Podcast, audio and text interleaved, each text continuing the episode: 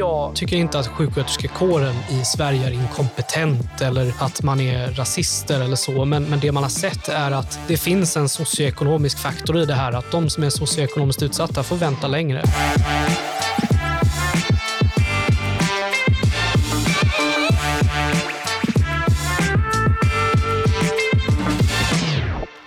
Du lyssnar på Ekonomerna med mig, John Norell. Och idag har jag med mig Gustav Drugge Hallå! och eh, Isak Riddarsparre. Hejsan, hejsan. Hur är läget med er? Jättebra, jättebra. Isak, du är ju, du är läkare. Ja, ja Eh, stämmer. i, i, du är ST-läkare på en vårdcentral i Ängelholm. Precis, eh, där jag jobbat sedan ett och ett halvt år tillbaka då, Mm. eh, som ST-läkare. Eh, och sen tidigare än det så har jag erfarenhet från Östergötland där jag också gick min AT och läkarutbildning. Vad är det, vad är det roligaste med jobbet? Det roligaste med jobbet är variationen och mötena med olika människor i livets alla skeenden. Ehm, Det är också det här att man följer människor från det att de är barn tills de blir äldre. Mm. Så det är verkligen en, eh, vad ska man kalla det, en familjeverksamhet. Man Ja. blir familjeläkare på sätt och vis. Man följer flera generationer och lär känna patienterna. Alltså, folk kommer ju dig för så råd och, och hjälp. Liksom. Ehm, och du är ju i deras ögon då liksom en expert, en auktoritet på allt vad gäller liksom kroppen. Hur ehm, lider du av liksom imposter syndrom? Ja, verkligen. Alltså vilket förtroende de har för mig. Nej, men, eh, jag skulle säga att det här med att vara expert på olika sorters medicinska tillstånd är en del av det jag jobbar med, men det är egentligen Mm. inte det jag mest anstränger mig att producera, om du hänger med. Jag menar här att eh, visst, det här med att välja rätt medicinska utredningsalgoritm, välja hur vi ska utreda ett medicinskt tillstånd, det måste man kunna. Mm. Men huvuddelen av mitt arbete egentligen går ut på att hantera mänsklighet, skulle jag säga. Alltså oro, tankar, förväntningar, förhoppningar, eh, svårigheter som människor har med sig. En liten Eh, livscoach typ. Ja, det, det är det vi inte försöker vara utan då skickar vi vidare till någon annan som är bättre på att vara det. Men, Ja. men kanske ehm, en tolkare av eh, information från människor. Det låter väldigt abstrakt, men, Mm. men, men så skulle jag beskriva det. Kanske en guide i Ja. någon viss mån. Ja, men verkligen. Alltså, det, det är ganska lite av besöket egentligen som handlar om den rent medicinska informationen. Ganska mycket handlar om vad vill jag ha av min vårdcentral idag? Vad, Mm. vad vill jag få ut av det? Och vad är det bästa sättet att få ut det på?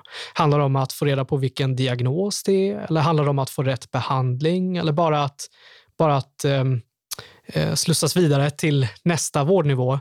Eh, och, och naturligtvis att hantera oron som kan finnas där. Mm. Eh, eller förhoppningen eller vad det nu kan vara.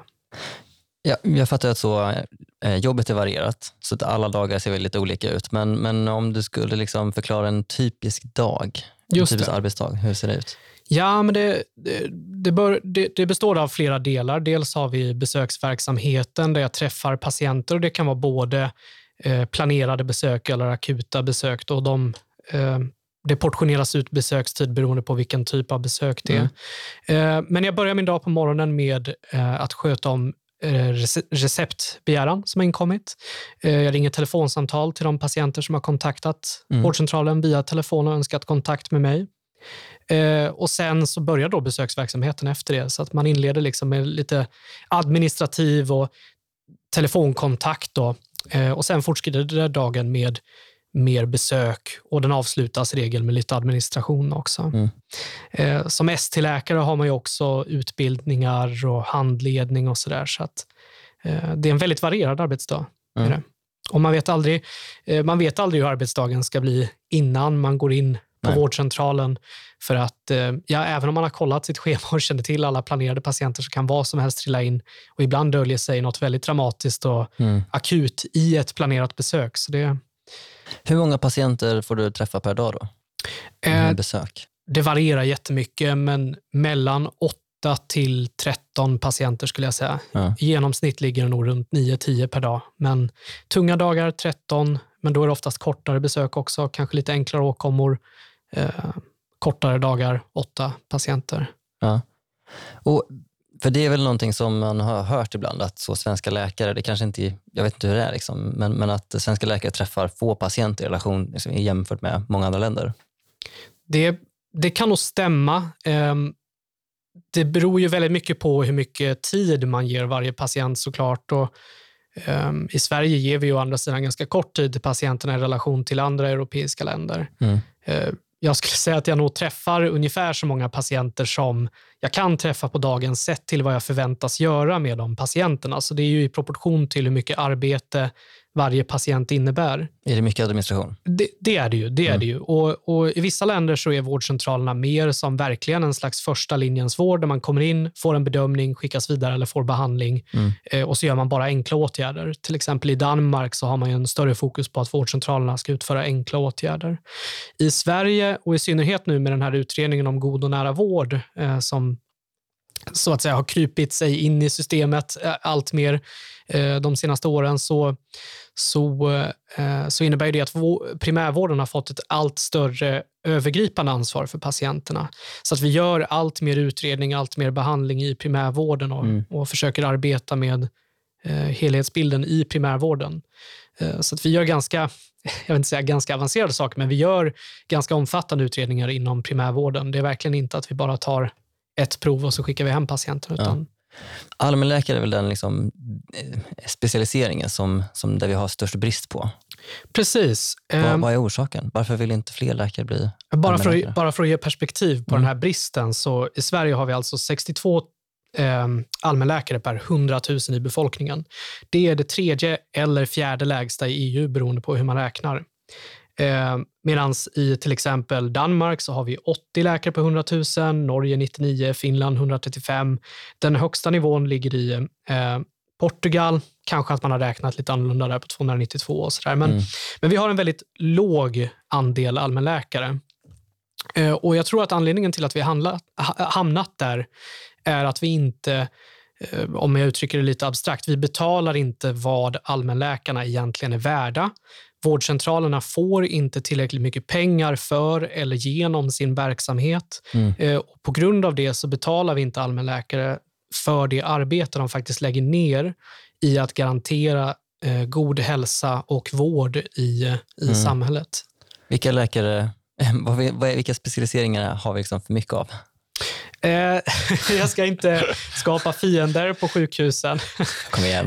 Men men, nej, men vi, vi, vi har ganska många medicinska specialister har vi i Sverige. Eh, men men jag tror egentligen inte att det är de specialisternas fel att det har blivit som det har blivit. Visst, ibland så diskuteras det lite på fikarasterna så här att ja, de här sjukhusspecialisterna de vill bara skicka ut mer och mer jobb Mm. till primärvården och till viss del så är det ju så att utredningar till exempel föreslår då att allt, allt fler åtgärder som jag nämnde tidigare ska utföras inom primärvården. Men, men jag, jag, jag tror egentligen att sjukhusen är, är bättre finansierade eh, och det gör att fler jobbar där för att det är en schysstare arbetsmiljö och Mm. man betalas i proportion till det jobb man gör, även om man kanske tjänar lite mindre än vad en allmänläkare gör. Och det, det som är intressant här är att alla är ju överens om att primärvården är lösningen. För om man tittar på kostnadsutvecklingen inom sjukvården så ser man att det, det finns ingen lösning i sikte. Och Då tittar man, okay, men Mm. var får vi mest vård för kronan? Mm. Och då är det primärvården. Det är hemma hos Isak då, där han jobbar. Så att, och då vill vi ha fler Isaks. Och hur kan det komma sig att så få väljer att vilja bli allmänläkare? Är det, då en, det kanske är då finansieringen. Å andra Mm. sidan, sjukhusläkare tjänar inte så mycket mer än en allmän specialist. Nej, allmän specialister tjänar mer än vad sjukhusläkare gör. Eh, om man bortser från jourtjänstgöring och sådär, då tror jag det kan vara så att sjukhusläkarna på vissa ställen kanske tjänar mer. Men eh, jag, tycker också det är intressant det här, eh, den, här idén om att primärvården är så väldigt kostnadseffektiv, för att en del av det är ju rent artificiellt. Det beror ju på att regionerna har underfinansierat primärvården, vilket har gjort det till en billig instans för vård för att den går runt på bara ramen. Det, det, det är verkligen att eh, man, man hankar sig fram med det lilla man har. Eh, och Då blir det ju en väldigt kostnadseffektiv verksamhet för att det är några hängivna allmänläkare kvar som stannar och, och tar långt mer arbete, alltså gör långt mer arbete än vad de borde göra egentligen, sett till vad de får för ersättning och hur arbetsförhållandena ser ut. Okej. Mm. Så, Ja, och om man bara ska följa upp det, det som är int- intressant med det du säger Isak, är att egentligen ska man vilja det handlar inte bara om att satsa mer på sjukhusen och mer på primärvården. Man borde flytta resurserna om man ska göra i akt och mening så Ja. att man flyttar resurserna från sjukhusen till primärvården för att styra också både intresset och så att säga, inflytandet över patienten i större utsträckning till eh, primärvården. Precis. Mm. Och Det är ju lite det som den här utredningen om god och nära vård föreslår. Men regionerna har ju haft svårt att följa upp med de rekommendationerna för att sjukhusen behövs ju också. Det är ju de som utför alla stora operationer, alla intensiva behandlingar. Det är ganska tryggt att leva i en region där man har ett sjukhus nära sig. Om man ska spara in pengar på sjukhusvården, då är det kanske de små eh, landsortssjukhusen som ryker och det vill ju gärna invånarna i de här mindre samhällena ha Mm. kvar. Eh, sen är det ju också så att jag är inte säker på att den här idén i god och nära vård om att bara vi flyttar ut resurser från sjukhusen till att arbeta förebyggande i primärvården, jag är inte säker på att det håller. Eh, förebyggande vård är jättebra, men i förebyggande vård har vi förebyggande utredningar, och, alltså screening. Och när vi genomför screening då hittar vi fler tillstånd som vi också behöver behandla och det kostar ju mer pengar.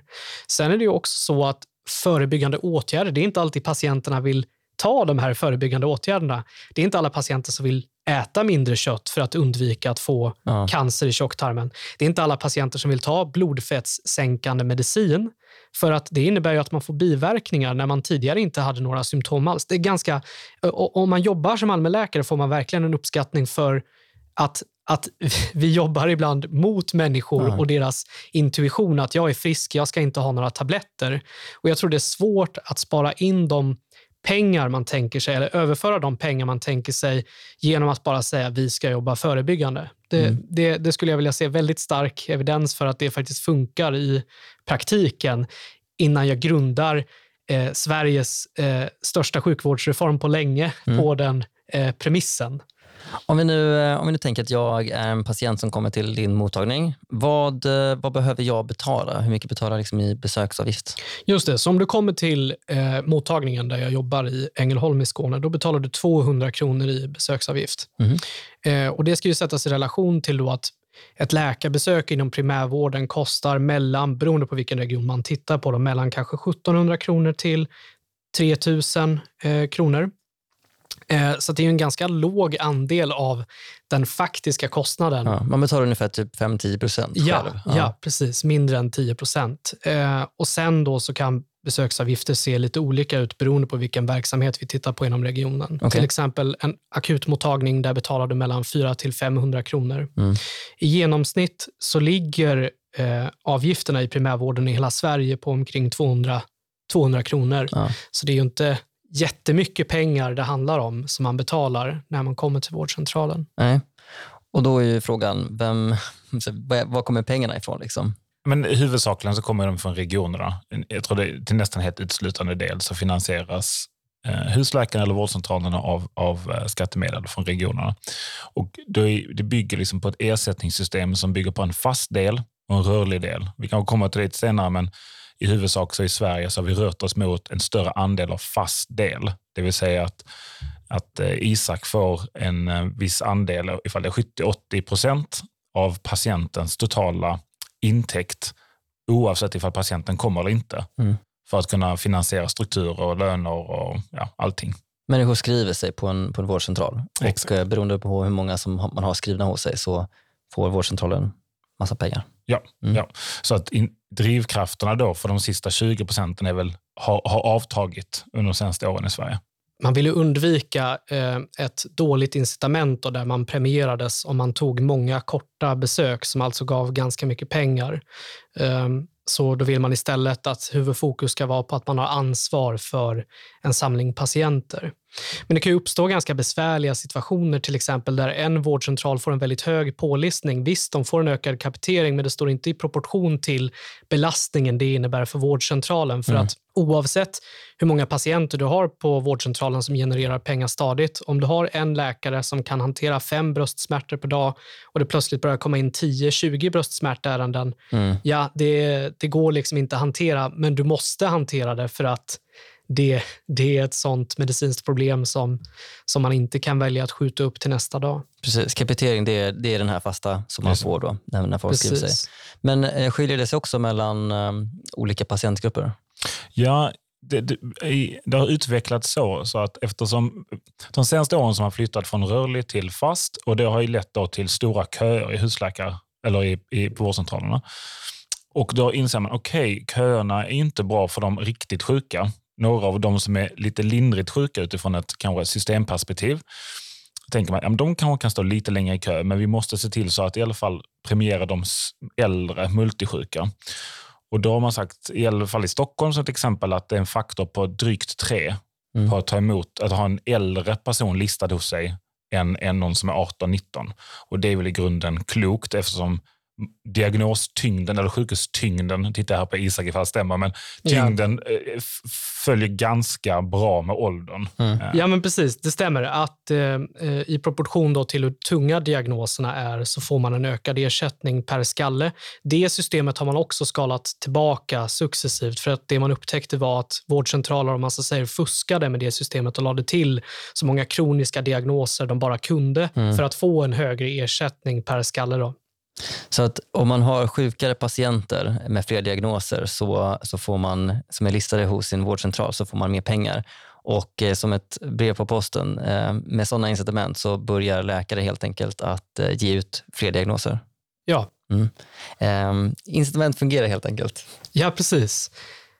Men även om jag nu betalar typ 200 spänn för att gå till vårdcentralen och träffa en läkare, så um, beroende, det finns ju ett tak för hur mycket, hur mycket jag kommer behöva betala under året. Precis. Här gäller det att ha tungan rätt i mun, för det finns två olika typer av tak inom mm. vården. Vi har dels taket för eh, vården i sig, alltså eh, besöksavgifter när du går till din läkare på vårdcentralen eller på akuten eller till en sjukgymnast på en sjukgymnastmottagning. Okay. Eh, och sen har vi högkostnadsskyddet, då, alltså taket för läkemedelsutgifter. Och taket för eh, sjukvård i Sverige ligger på 1300 kronor om året. Mm. Så att när du väl slår i det taket så betalar inte du längre någonting till de mottagningar du söker på, utan Nej. det gör regionen istället. Regionen betalar det. Mm. Ja. Och så finns det till högkostnadsskydd. Och det är läkemedel och det, jag tror det är på 2004, det räknas upp varje år med det är runt 2400 kronor. Mm. Ja. Och det är ju för, ja, ifall du behöver Inge, och det är i grunden klokt att ingen ska behöva avstå läkemedel för en viktig behandling på grund av sin inkomst. Mm. Precis. Eh, så om vi tittar på det här i internationell kontext så kan det vara lite intressant att jämföra med olika länder. Ehm, där i Nederländerna så har man ett annat sjukvårdssystem som grundar sig på försäkringar. Man skulle kunna likna eh, självriskerna i mm. det försäkringssystemet med vårt högkostnadsskydd. Där ligger självrisken på 385 euro om året. Så det är ju alltså omkring ja, 4 000 kronor kanske. Det var eh, taket i... i precis, det är taket ja. i det nederländska sjukvårdssystemet för vad du får betala själv per år. Mm. Och Det är viktigt att poängtera det. Det är ett lagstiftat tak och det är lagstiftade egenavgifter i det nederländska systemet för man vill föra patienter bort från akuten där besöksavgiften ligger någonstans på runt 250 euro till vårdcentralerna då, där besöksavgiften mm. ligger på 30 50 euro. Så man betalar typ 1000 kronor för i besöksavgift i Nederländerna liksom, jämfört då med 200 kronor här i Sverige. Ja, precis. men det, det är ju då på akuten du betalar de där 2500. Right. Eh, Medan mm. eh, på, på vårdcentralen då betalar du 30 30-50. Valutakursen är 1 10, eller hur? Ja, knappt. Men jag tror, eller drygt med. Drygt ja, med. Ja. Men jag tror att det som är intressant här, det, man ryggar ju lätt tillbaka. Oj, nästan 4 000 kronor. Mm. Men om du adderar ihop de två högkostnadsskydden i Sverige så är det uppe nästan 3,5. Så ja. det är inte så avståndet är inte så astronomiskt. Nej, precis. Nu ska jag säga det, jag vet inte om det här högkostnadsskyddet, alltså självrisken i den nederländska försäkringen, innefattar läkemedel. Det kan säkert vara så, eh, men, men eh, precis, det är något att notera. Att det är ju säkert inte 10 000 kronor för läkemedel i Nederländerna, utan det ligger nog inom samma område ungefär totalt sett. Man kan också nämna det att det här med att eh, att ta ut högre kostnader för akutbesök i jämförelse med vårdcentraler. Det är ju någonting man experimenterat med i Sverige också. I Region Sörmland så sänkte man besöksavgiften på vårdcentraler till noll kronor medan man hade kvar avgiften på akuten, kanske till och med höjde den till någonstans runt 400 kronor. För man ville att folk skulle gå till vårdcentralen istället för akuten? Precis, mm. men det enda resultatet där blev med de kostnadsnivåerna att vårdcentralernas ekonomi kraschade över tid och eh, besöksbelastningen blev alldeles för hög i primärvården. Ja. Så det verkar inte som att de nivåerna av kostnader man valde där i alla fall styrde sökbeteendet någonting. Och, och som en bonus på det där, eh, beroende på hur man är lagd, så etablerade också en massa nätläkarbolag sin, eh, sin vårdcentral och knöt av, de, Ja. de knöt avtal med, eh, med några vårdcentraler i Sörmland, vilket gjorde att all deras eh, nätläkartjänst blev avgiftsfri. Mm, för de precis. styrelsen på primärvården. Så att alla, så de här utomlänsersättningarna som man betalar, de gick via Region Sörmland. Så de fick liksom 40-50 miljoner kronor bara i admin Ja. varje år. När det var som värst snedstreck bäst så fick Sörmland 40-50 miljoner kronor Mm. i adminavgifter från andra regioner. Så d- skalan i detta när man skapar ett strukturell möjlighet för någon att omhänderta Ja. människors, eh, o, inte, särskilt, inte särskilt deras ohälsa, men i alla fall deras oro för ohälsa, så finns det en enorm marknad. Ja. Och som bara en krona på verket så var ju det här med att det etablerade sig en massa nätläkare i Sörmland, det var ju någonting som initialt hyllades av vissa regionpolitiker för att det var ett led i digitaliseringen och innebar att vi fick jättehög tillgänglighet till digital vård. Mm. Eh, och det är ju också någonting som ingår i den här eh, utredningen och numera programmet för eh, sjukvårdens utveckling i Sverige, alltså god och nära vård, att vi ska försöka digitalisera vården för att effektivisera den. Men de som framförallt drog nytta av de här nätläkarna, det var ju unga personer och inte de gamla. Ja, ja. att, eh, men, men för patientavgifter behöver man inte betala om man är ung. Om du är under 20 så betalar du ingenting. Mm. Och vem, vart liksom beslutas de här, eh, de här patientavgifterna? Är det på regionen? Det gör regionpolitikerna Mm. och då sitter de och, det är kommunalrättsligt så att man måste besluta om vilka avgifter man tar från skattebetalarna. Ja. Så att det går att eh, sänka de här och höja de här. Det finns ingen liksom lag som... som Jag, jag, jag är lite osäker på ifall det finns någon maxgräns. Jag tror inte det. Men det finns väl någon form av eh, sociologisk politisk maxgräns. Jag tror, att, jag tror att den sociologisk-politiska maxgränsen är dels den liksom politiska realiteten, men också att vi har den här portalparagrafen i början av sjukvårds, eh, hälso och sjukvårdslagen, eh, där det står att alla ska ha lika tillgång till vård. mm, Eh, men som vi kommer diskutera lite senare så är det ju så att det sättet vi hanterar sjukvård på i Sverige, där vi tar ut låga besöksavgifter, eh, på grund av det får vi ett högt besökstryck. På grund av det använder vi ransonering eller det som kallas triage. Det leder ju också till ojämlikhet. Eh, så det är någonting att ha i huvudet här att vi har ett system med låga besöksavgifter, hög belastning på vårdcentralerna. Det är konstruerat så för att det ska vara jämlikt, men det resulterar i ojämlikhet på grund av att den här filteringen inte är perfekt. mm. Eh, Och högkostnadsskyddet, beslutas det också av regionen? Eller är det... Nej, det är riksdagen som beslutar högkostnadsskydden. Mm. Så, och där är, är det ju många perspektiv som ska in. De ser det utifrån ett systemperspektiv och ett rättviseperspektiv utifrån patientlag och hälso och sjukvårdslag. Och, men det har ju sån pass styrande effekt på regionernas verksamhet och budget och patienternas tillgång till sjukvård. Så det är en rättighetslagstiftning som Mm. står parallellt med eller rakt emot patienternas verkliga eh, vardag och regionernas möjlighet att finansiera och genomföra den här vården. Mm. Och vi har ju liksom eh, patientavgifter, eh, besöksavgifter för att eh, hade man inte haft det, då skulle, som vi har varit inne på, då, då, då kommer man ha en, en väldigt mycket större efterfrågan. Um, med andra ord, någonstans så måste det ske liksom en, en, eh, en ransonering av vem ska få vård och eh, var. Ja. Eh, och om det inte sker genom att så vi har patientavgifter som gör att vissa eh, som kanske inte är i, i jättestort behov av, av att eh, gå till, till eh, vårdcentralen, att de, att de avvaktar. Eh, istället så måste det ske när, liksom, på plats. Då. Em, hur, hur sker liksom, eh, den här triageringen, liksom ransoneringen?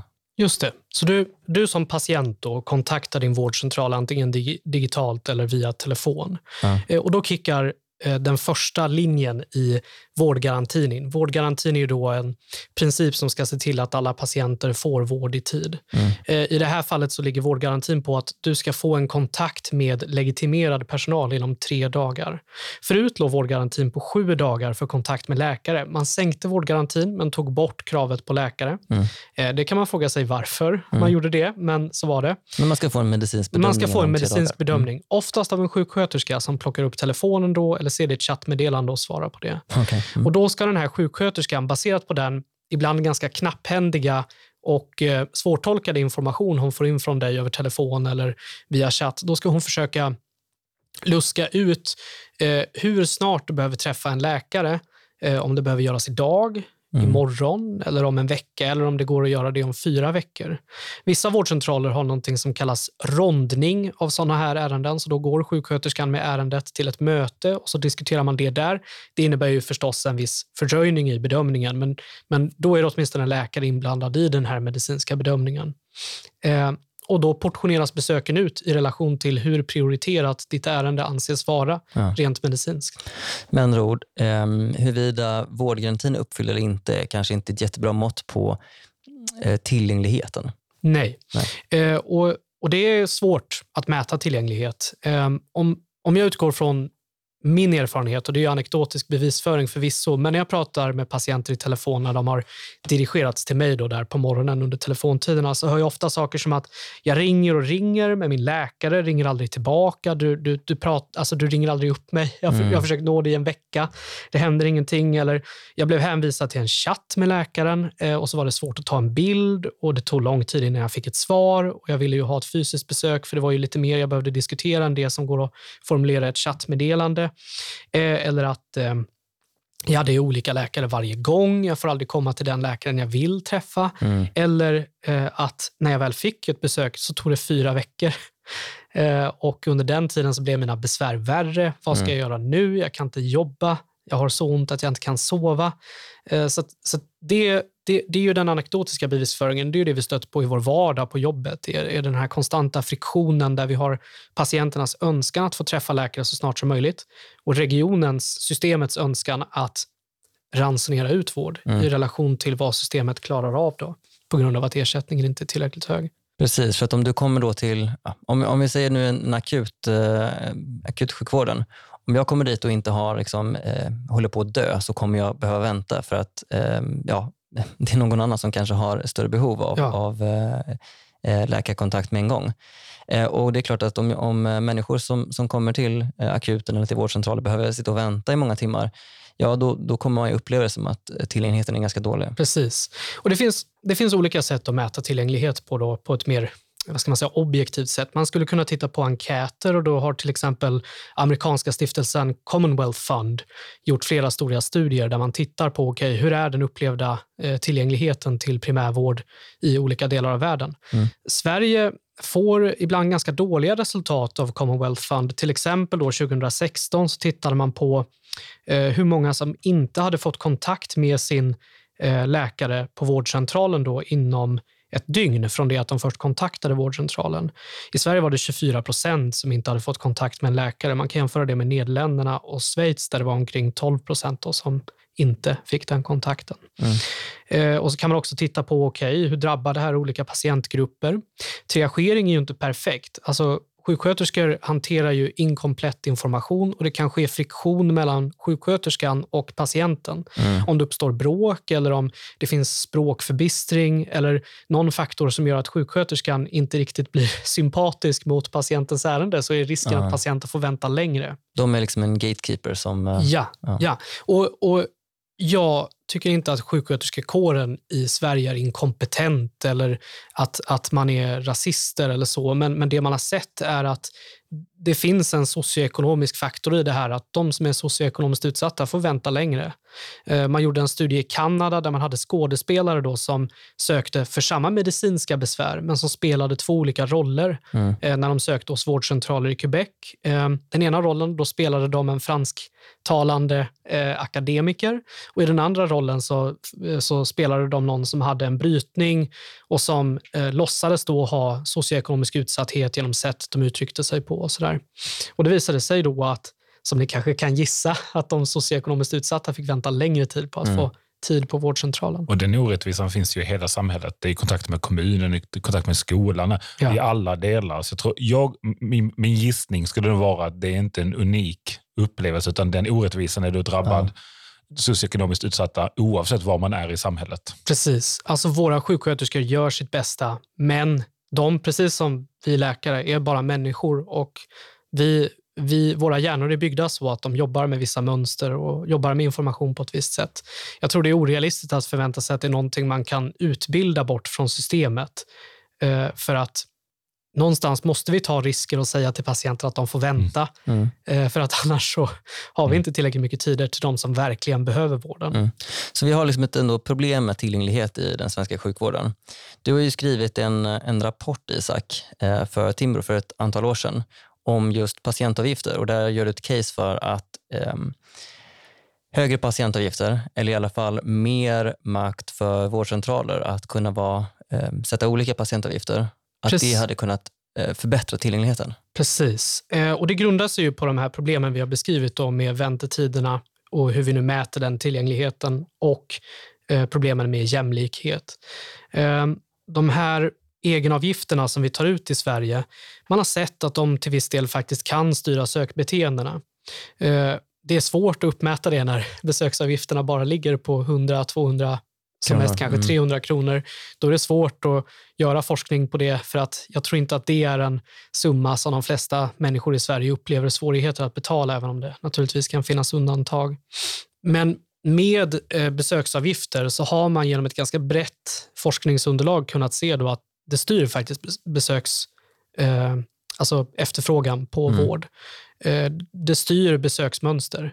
Och även om det inte skulle göra det, även om vi sätter en besöksavgift på 1200 kronor och besöken ligger kvar på samma nivå, okej, då tjänar vårdcentralerna mer pengar helt plötsligt. Det är ju jättebra. Då får vi in mer pengar till verksamheten. Mm. Så att grundargumentet för att vi behöver titta på besöksavgifterna i Sverige är att, som jag ser det, är det centrala problemet i primärvården, det är inte hur våra allmänläkare jobbar eller hur sjukvårdssystemet jobbar med remisser och samarbete mellan sjukhus och primärvård. Det finns jättemycket problem där. Det kan säkert Gustav eh, intyga också hur man ser på det från politiskt håll. Men, men problemet är inte det som god och nära vård eh, diskuterar som mest, alltså olika digitala gränssnitt och hur Nej. man, ska, hur man liksom ska överföra och jobba mer förebyggande med all den osäkerhet som finns i det. Problemet är att vi har de här 62 stackars allmänläkarna per 100 000 och vi har det för att det inte finns tillräckligt mycket pengar i systemet och att belastningen är för hög. Och jobbar vi med besöksavgifter så kan vi åtminstone öka ekonomin för vårdcentralerna. Vi kan göra ekonomin på vårdcentralerna starkare. Och eventuellt, och det finns det ju ändå en del forskning som tyder på, så kan vi minska belastningen också. Så vi gör arbetssituationen bättre för våra primärvårdsläkare och vi gör eventuellt deras löner högre genom att vi betalar vad de faktiskt är värda. Vi betalar närmre marknadspriset för primärvård. Mm. Eh, och då tror jag att fler kommer söka sig till primärvården.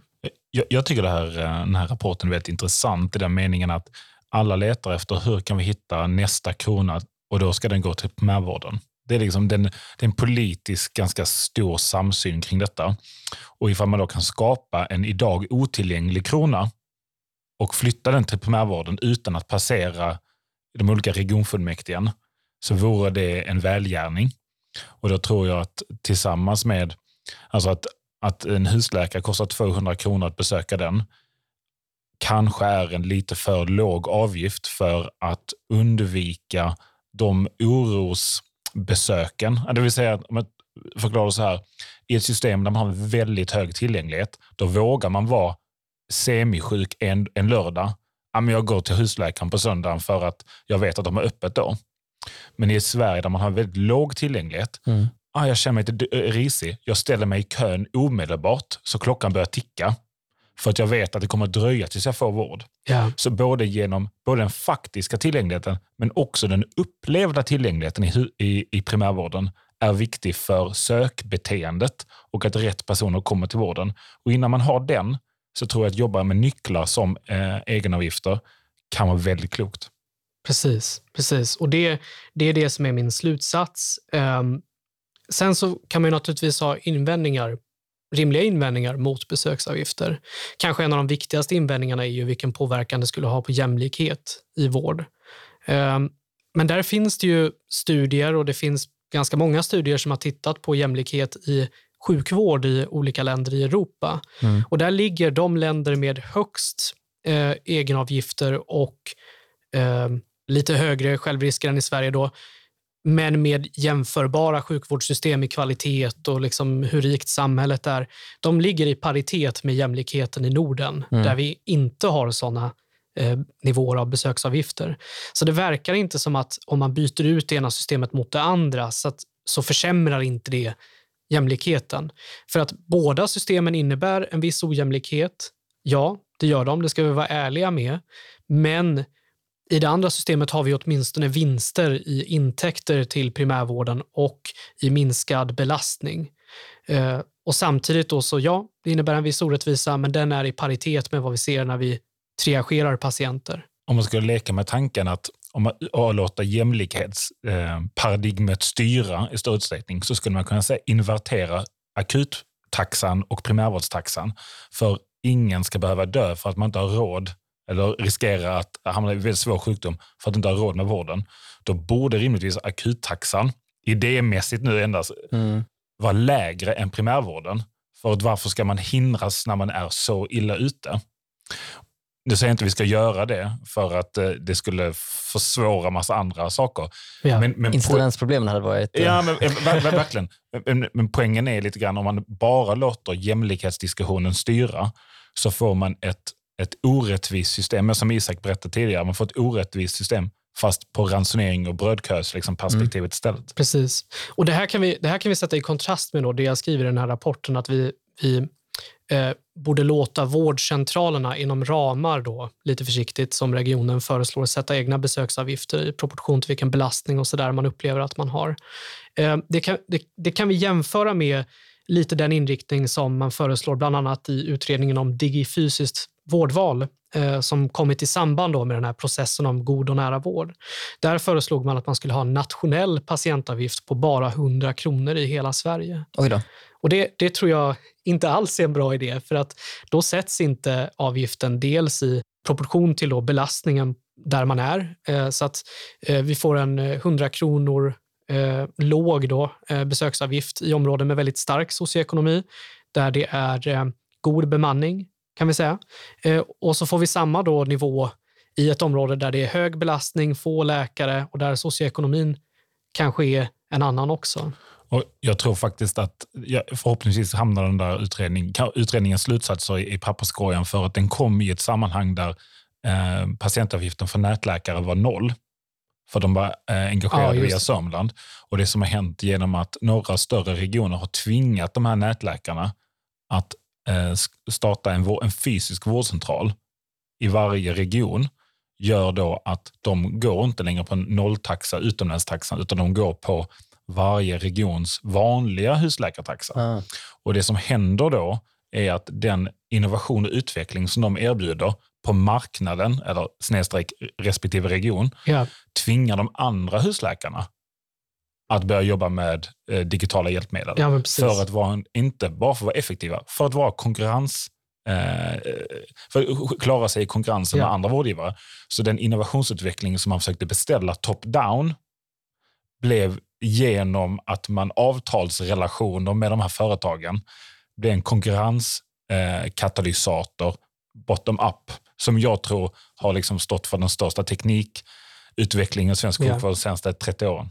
Och det här top-down styrsättet som så präglar svensk sjukvård och egentligen genomsyrar hela det svenska samhället i någon mm. utsträckning. Det, det tror jag är ett stort problem för vården generellt. Det är lite en parallell diskussion vid sidan av det här med besöksavgifterna. Men om man tittar på helheten i det här konceptet god och nära vård så är jag rädd att det kan leda till dålig och fjärran vård. För att, för att genom att man sätter större top-down-krav på digitalisering, genom att man lämpar över allt mer specialistsjukvård på primärvården utan att det följer med nödvändiga medel, för man har inte råd att tillföra de medlen för vi kan inte öka skatterna, vi kan inte dra in på mer verksamhet för att spara till primärvården då, då tror jag att allt fler allmänläkare lämnar mm. våra offentliga och offentligt, alltså privat drivna men avtalade vårdcentraler för att jobba i den helt privata sektorn. Och vi ser ju att eh, privata sjukvårdsförsäkringar, dels som ett tecken på att tillgängligheten är dålig till vårdcentraler, men också för att, för att eh, allt fler väljer att jobba inom den sektorn. Vi ser att de ökar år för år. Ehm, så att nu uppgår de privata sjukvårdsförsäkringarna i Sverige till strax över 14 procent. 2012 14 procent eh, av befolkningen ja. har en privat sjukvårdsförsäkring, oftast genom gruppförsäkringar via arbetsgivare. Ja, eller kanske facken. Ja, eller facken. Ja. Och Det har stigit successivt år för år. Så, att, så att det där är någonting som ökar. Det är en indirekt signal på att tillgängligheten till vården är dålig. Och, och, Det är klart att om jag som primärvårdsläkare då blir, blir påtvingad eh, olika digitala hjälpmedel som inte förbättrar min arbetsdag. Ja. Det kan de göra, men är det top-down är risken att det inte gör det. Precis. Eh, så, så om det är det och det här, de här kraven med kvällsöppet, vilket också flyter upp i diskussion om god och nära vård, då kanske jag väljer att byta till det helt privata vårdsystemet istället. För att sammanfatta lite grann diskussionen kring patientavgifter. Eh, hade man ökat patientavgifterna så hade vi dels fått in, eh, färre personer hade sökt sig till, till eh, vi hade haft en, en lägre efterfrågan, färre hade, hade liksom ställt sig i kön. Vilket ja. dels hade minskat kostnaderna men sen får man också en, en direkt intäkt, en ökad intäkt till vårdcentralerna. Eh, vilket eh, båda de här två effekterna innebär ju, eh, liksom, i, i förlängningen då en ökad tillgänglighet. Precis. Och sen har vi då det här eh, faktumet att, att eh, dålig tillgänglighet är någonting som framförallt, eller i större grad drabbar liksom, socioekonomiskt utsatta grupper. Ja. Men då det finns ett case att göra för att eh, om man hade ökat patientavgifterna så skulle det kunna öka tillgängligheten vilket hade gynnat eh, främst då de här, de här socioekonomiskt utsatta grupperna. Och Sen är frågan då, ja, men, för det finns ju ändå en tanke om att vi vill ha en jämlik vård i Sverige. Mm. Och Då kanske det är att jobba med eh, högkostnadsskyddet till exempel. Då, att, ja. att inte kanske öka det allt för mycket men, men ändå att det det kanske skulle kunna kopplas till eh, inkomsterna, differentiera beroende ja. på vad man har för inkomst. Ja, precis. Så har man ju i Schweiz till exempel. Då. Eller Schweiz, så har man det i Schweiz. Mm. Eh, där, där sätter man ju eh, försäkringarnas, alltså dels premierna man betalar, alltså om man säger månads eller årsavgiften och högkostnadsskydden i proportion till vilken inkomst man har. Jag tror att det är ett bra sätt att gardera för jämlikhetsproblem i eh, i besöksavgiftssystem eh, och samtidigt få de här beteendeeffekterna. För att låt säga då att en som är socioekonomiskt utsatt betalar 100 kronor eh, för ett besök i primärvården och det är, vad de, det är ett jobbigt pris för dem att betala. Ja, men då reglerar det deras sökvanor. Och någon som är socioekonomiskt stark betalar 1000 kronor eller har sitt högkostnadsskydd mm. i proportion till det. Va? Um, och det, det den kostnaden som reglerar deras sökbeteende.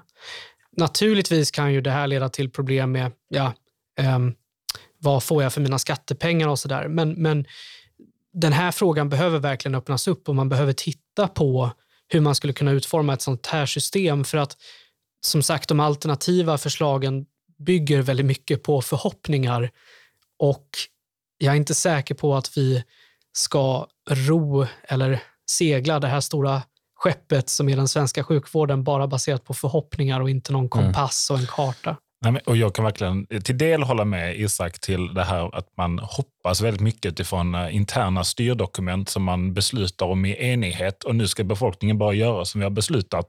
Och varför gör de inte det? Och nu blev, vi har ju redan spenderat de här pengarna vi skulle få av att befolkningen skulle göra som vi beslutade. Ja. Och nu sitter vi här med högre utgifter och en besvärlig befolkning som kräver mer och inte vill betala mer. Mm. Nej, men det, är, mm. det är så det liksom känns inifrån ut.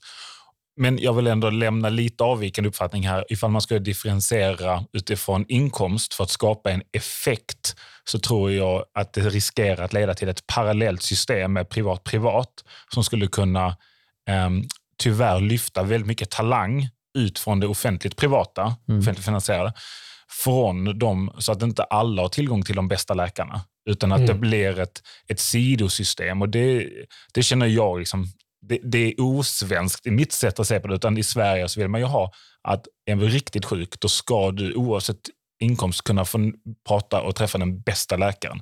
Det tycker jag är unikt bra med svenska sjukvården. Om man får mm. säga du, ni, ja, ni, var, ja. ni menar inte tvärtom. Jag tror det finns liksom en, en, en, en risk ja. i förlängningen i den diskussionen. Och det, det viktiga är att vi har den här diskussionen mm. och, och diskuterar det här Just nu sker det ingen sån här diskussion. Eh, och, och, Det här är nog det enda rummet i Sverige där, där den här diskussionen sker just nu, mm. eh, egentligen.